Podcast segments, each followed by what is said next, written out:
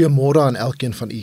Wat 'n voorreg om hier saam met u te wees en wat 'n voorreg om vanoggend rondom God se woord te kan vergader, om rondom God se woord te kan sit en saam te kan ontdek, saam te kan leer en saam ons harte oop te maak vir verandering. Kom ons bid saam en ons vra dat die Here hierdie diens sal seën. Liewe Here, baie baie dankie dat ons in die midde van ons besige lewe nou ook net kan stil raak. Dat ons kan vergeet van alles om ons vir 'n minuut vergeet van ons probleme en aandag kan gee aan die woord en wat U vir ons wil sê uit die woord deur U Gees. My gebed is Here dat elke persoon wat hier luister, se hart oop sal wees en ontvanklik sal wees. En Here dat U Gees nou tot elkeen van ons sal spreek. En ons dankie hiervoor, Here, in Jesus naam. Amen. Voordat ons by die woord uitkom, liewe luisteraar, gaan ons nou eers baie lekker saam sing.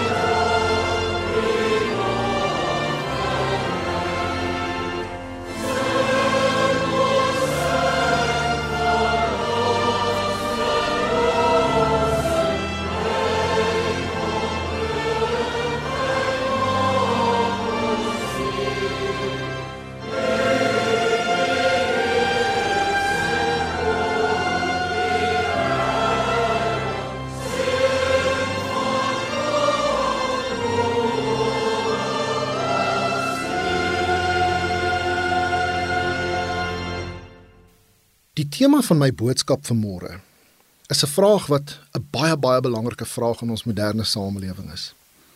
En die vraag wat ek wil vra as tema vir vanmôre se boodskap is: Wat maak jy met jou sukses?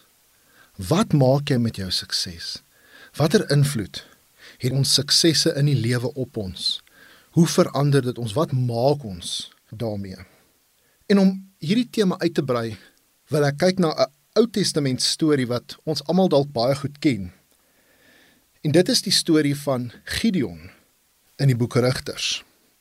Nou, die boek Rigters is 'n baie interessante boek in die Ou Testament. As ons kyk na die genre of dis die literatuursoort van Rigters. Een van die eienskappe van hierdie literatuur is dit is eintlik tragies. Glo dit of nie? Ja, ons onthou al die mooi stories van die rigters van Samson en Deborah en Jefta. Ons onthou al die stories. Maar wanneer ons stil staan en die stories in diepte studeer, dan sien ons dis eintlik tragiese stories. En die storie van Gideon is ook ongelukkig 'n tragiese storie. Nou die boek Rigters het 'n interessante patroon wat hy volg. Daar's 'n spesifieke patroon wat elke storie raam. En dit is dit gaan goed met Israel en dan begin dit naderhand te goed te gaan met Israel en dan verval hulle in afgoderry in. En dan wat gebeur is God stuur, God, nie iemand anders nie, God stuur 'n heidene nasie, 'n ander nasie om Israel te verdruk sodat hulle kan uitroep tot God vir redding. En wanneer hulle uitroep tot God vir redding, dit is dan die punt waar God hierdie rigter oprig. 'n Rigter is eintlik net 'n ander woord vir 'n leier. 'n Ander woord vir die boek Rigters is ons kan sê leiers. En dit is wanneer God 'n rigter of 'n leier laat opstaan in die volk om hulle situasie te verander en om hierdie nasie wat hulle verdruk te kan oorwin. En dikwels is die stories van die rigters en die karakters van die rigters eintlik karakters wat jy nie sou dink ooit leiers kon wees nie. Dit is vreemde karakters. En as ons bloot net kyk na Gideon, hy kom voor aan die begin van sy storie as 'n baie ongelowige man. Hy vertrou nie God nie, hy glo nie. Hy vra God die hele tyd vir bewyse en tekens. En wanneer ons God vra vir tekens, is dit natuurlik nie 'n teken van geloof nie, maar van ongeloof. Maar uiteindelik ontwikkel Gideon in hierdie helde figuur en hy kry ongelooflike oorwinnings oor die nasie wat Israel op hierdie stadium verdruk, naamlik die Midianiete. Nou vir vermôre wil ek vra dat u na Rigters hoofstuk 8 toe gaan. En ek gaan nie die hele hoofstuk lees nie. Ek wil graag net 'n paar verse lees aan die einde van die storie Laat ons kan sien wat het gebeur aan die einde van Gideon se storie en wat Gideon gedoen het met sy sukses. So ek begin by Rigters hoofstuk 8 vers 22. Die Israeliete het vir Gideon gesê: Jy moet oor ons regeer. Jy, jou seun en sy nageslag. Jy het ons gered uit die mag van Midian. Maar hy sê vir hulle: Ek kan nie oor julle regeer nie. Ook nie my nageslag nie. Die Here regeer oor julle. Gideon het verder vir hulle gesê: Ek wil julle egter een ding vra. Elkeen van julle moet vir my 'n ooring gee uit die buit wat julle by die Midianiete afgevat het. Hulle dra mos goue ooringe. Die Israeliete het geantwoord: Dit doen ons graag. Hulle het 'n doek oopgegooi en elkeen het 'n ooring uit sy buit daarop gegooi. Die gewig van die goue ooringe wat Gideon gevra het, was 19 en 'n half kilogram. Hoeveel geld kan ons vandag kry vir 19 en 'n half kilogram se goud? Die maanversierings, oorbelle en persklere van die Midianitiese konings was nie daarby gereken nie en ook nie die kettingkies rondom die kamele se nekke nie. En lees nou saam met my vers 27. Gideon het 'n efodbeeld van die goud gemaak en dit in sy stad Ofra gesit. Die hele Israel het daarin gekom en op die wyse ontrou geword aan die Here. Die beeld was vir Gideon en sy mense 'n valstrik. Ons dink altyd aan die storie van Gideon as hierdie wonderlike storie van dapperheid en van ongeloof wat geloof word. En ons moenie daai aspekte van die storie vergeet nie. Ons moenie die mooi kant van die storie tersyde laat nie. Maar as ons sien hoe die storie eindig, dan eindig hy ook ongelukkig in tragedie. Wat gebeur?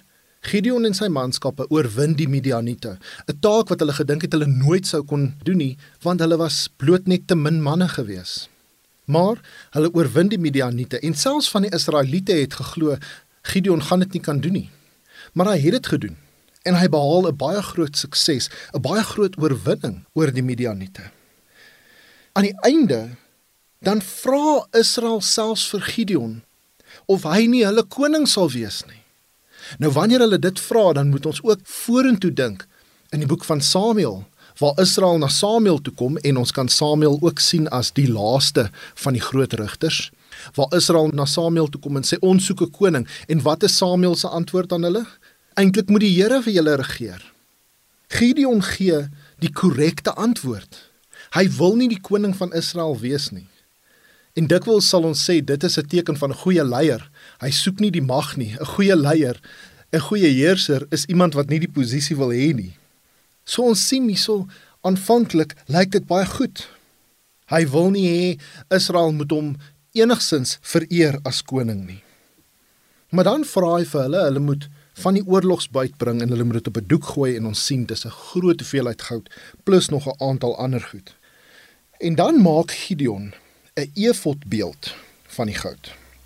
Nou wat is 'n efodbeeld? 'n Efodbeeld is nie eintlik streng gesproke 'n afgodsbeeld nie. 'n Efodbeeld is eintlik 'n beeld van wat sou lyk min of meer soos 'n deel van die borsplaat wat die hoë priester van Israel sou gedra het. So dit is amper soos 'n beeld van 'n borsplaat. So dis nie eintlik 'n ander god wat Gideon smelt uit die goud uit nie. Nee, Dit is iets wat tot 'n mate in sy eie tradisie 'n plek het. Dit is iets wat hy op 'n manier kan koppel aan God en dit is 'n herinnering van sy oorwinning. Maar wat gebeur dan? Hy sit dit in sy stad Ofra en toe kom Israel, die hele Israel sê die Bybel. En op die wyse het hulle ontrou geword aan die Here. Die Bybel sê die beeld was vir Gideon en sy mense 'n valstrik in vers 27. Wat het gebeur? As ons kyk na die storie, Gideon bereik hierdie groot suksesse en dan soek hy 'n teken, 'n sigbare, tasbare teken van sy sukses en dit is hierdie efodbeeld wat hy maak. En hy dalk nie kwade bedoelings gehad aanvanklik oor dit nie. Maar hy maak hierdie beeld en uiteindelik lyk dit asof Gideon en Israel so behep geraak het met hierdie beeld met hierdie toonbeeld van hulle sukses oor die Midianiete want as ons die vers net daarna lees in vers 28 sien ons die Midianiete was onderdanig aan Israel hulle het nie weer in opstand gekom nie en daar was 40 jaar lank vrede. Israel moes seker gedink het dis wonderlik. Maar wat het gebeur? Gideon se sukses het na sy en na Israel se kop toe gegaan en wat hulle gedoen het hier Uiteindelik word daardie efodbeeld soos 'n afgod. Uiteindelik is daardie efodbeeld nie anders as 'n afgodsbeeld van Baal of enige ander afgod nie. Israel het hulle sukses in Gideon begin aanbid. En dit is die groot gevaar van sukses. Wat het gebeur? Hulle suksesse het die plek van God ingeneem. En dit is baie gevaarlik. Nou, die Here wil hê ons moet sukses beleef. Ek en u, elkeen van ons moet sukses beleef. Ons moet vooruitgang beleef. Dit is wat die Here wil hê vir ons en dit is goed. Maar wanneer ons ons suksesse bereik, wanneer ons daardie groot mylpale bereik, wanneer ons dit verrig wat ons nooit gedink het in ons wildste drome ons kon verrig nie. Wanneer jy daai sukses het, moenie 'n efodbeeld maak soos Gideon wat uiteindelik die plek van God gaan vat nie. Vir baie mense is hulle loopbaan, hulle groot sukses, hulle het 'n wonderlike loopbaan, hulle het baie geld gemaak en dinge gaan net goed. Dis dalk 'n groot maatskappy wat hulle gebou het of hulle het 'n naam vir hulle self gemaak. En dan uiteindelik gaan dit nie meer oor God nie, maar my lewe draai rondom myself. Die integrasiepunt van my lewe, daai punt in my lewe waar rondom alles draai, is nou nie meer God soos wat dit moet wees nie, maar is hierdie sukses, dis my loopbaan. Of is dalk my kinders. Baie mense leef hulle eie suksesse deur hulle kinders en dan aanbid hulle hulle kinders. Sukses is 'n wonderlike ding. Maar moet nooit sukses in die middelpunt van jou lewe sit nie. Jy moet nooit toelaat dat alles in jou lewe rondom jou sukses draai nie. Moenie dat jou sukses jou definieer nie en moenie dat jou sukses teen 'n prys kom wat jy nie eintlik kan betaal nie. Want ongelukkig is dit ook so baie mense bereik wonderlike suksesse, maar dis ten koste van hulle huwelike, dis ten koste van hulle families, dis ten koste van hulle gesondheid. Dit is wanneer 'n sukses 'n obsessie raak. Dit is wat met Gideon hulle gebeur het. Die efodbeeld wat aanvanklik dalk onskuldig gelyk het, net 'n borsplaatbeeld, het 'n obsessie geraak. En daardie obsessie vat dan die plek van God in en jou hele lewe ontspoor eintlik dan. Jou hele lewe is nie meer weet in Engels sê ons dit is nie meer in sync nie. Dit is nie meer gesinkroniseer nie. Dit is die groot gevaar van sukses. En daarom sê ek, wanneer ons praat oor ons sukses, wat moet ons maak met ons sukses? Uit die storie van Gideon sien ons wat ons nie moet doen nie. Ons moet nie van ons sukses 'n afgod maak nie. En dan as ons in die Bybel lees van 'n ander persoon wat baie baie jare later gekom het, naamlik die apostel Paulus, dan sien ons 'n ander benadering. Toe Paulus die brief aan die Filippense geskryf het, was hy baie bewus van die suksesse wat hy behaal het. Paulus sê in Filippense 3 vers 3: Ons het die ware besnydenis, ons wat God deur sy gees dien, ons wat op Christus Jesus beroem en nie op uiterlike dinge vertrou nie. En dan sê Paulus: Tog sou ek ook op uiterlike dinge kon vertrou. As iemand meen dat hy op uiterlike dinge kan vertrou, ek nog meer. En kyk nou wat noem hy dit? Ek is op die 8ste dag besny, van geboorte 'n Israeliet, uit die stam Benjamin, 'n egte Hebreër. In wetsopvatting was ek 'n Fariseer. In my ywer 'n vervolger van die kerk in onderhouding van die wet van Moses om vryspraak te kry onberispelik. Maar wat eers vir my 'n bate was luister wat sê hy wat eers vir my 'n bate was wat eers vir my 'n sukses was beskou ek nou as waardeloos ter wille van Christus Ja nog meer, ek beskou alles as waardeloos want om Christus Jesus my Here te ken oortref alles in waarde. By Paulus kan ons leer wat moet ons doen met ons suksesse. Wanneer God jou sukses gee, gee dit terug vir God. Moen nooit dat jou sukses jou wegvat van Christus af nie. Moen nooit dat jou sukses die kennis wat Christus vir jou wil gee, ooit belemmer gee jou sukses aan God en God sal jou verder seën. Want eendag wanneer ons nie meer hier is nie, eendag wanneer ons die dood in die oë moet staar en ons almal gaan dit ongelukkig moet doen. Gaan daardie suksese nie altyd so baie beteken nie. Wat dan saak maak is het jy vir Christus Jesus geken. Dit was Paulus se grootste sukses. Hy het gesê ek kon vir Christus Jesus ken. En wanneer hy die woord waardeloos hier gebruik in vers 8, die Griekse woordjie daar verwys eintlik na gemors, dit verwys eintlik na mis. Paulus sê al hierdie dinge wat ons almal beskou as 'n sukses om 'n fariseer te wees, om uit die stam van Benjamin te wees, 'n Hebreër. Dit is vir my soos mis. Dis waardeloos. Dis soos iets in die asblik in vergelyking met die kennis van Christus. Ek sluit af deur vir u te sê Ons dank God vir elke sukses wat ons bereik. Ons dank God vir vooruitgang. Ons dank God vir goeie tye. Maar onthou, dit kom van God af. Moenie nooit van jou sukses 'n efodbeeld maak soos Gideon nie. Vat jou sukses, bly nederig, gee dit terug aan God en onthou die grootste sukses in ons lewe is om te sê ek het Christus geken en die krag van sy opstanding.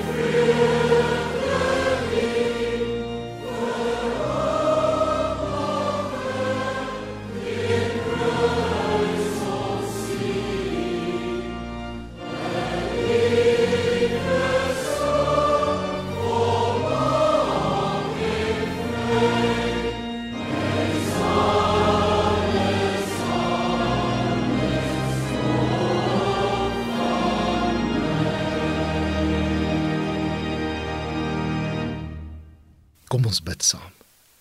Here, dit gebeur so maklik dat hierdie wêreldse dinge die integrasiepunt in ons lewe inneem. Dit gebeur so maklik dat ons U kan vervang met ons suksesse. Here, bewaar ons dat dit nie sal gebeur nie. Bewaar ons dat ons nederig sal bly. Bewaar ons en help ons om te weet dat ons sukses kom van U af. Ons dankie vir u seën. Ons dankie vir elke sukses wat ons kan bereik en ons wil dit elkeen teruggee vir u. Want om u te ken in hierdie lewe is al wat ons begeer. Ons bid dit in Jesus se naam. Amen.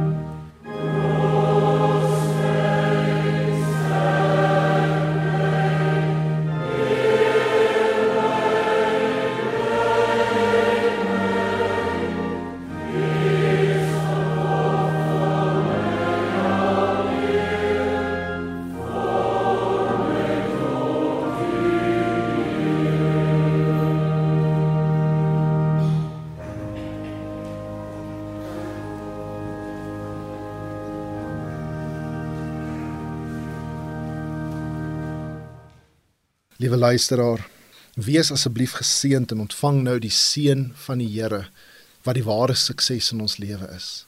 Mag die liefde van God die Vader, die genade van ons Here Jesus Christus en die gemeenskap van sy Gees jou deel wees. Amen en amen.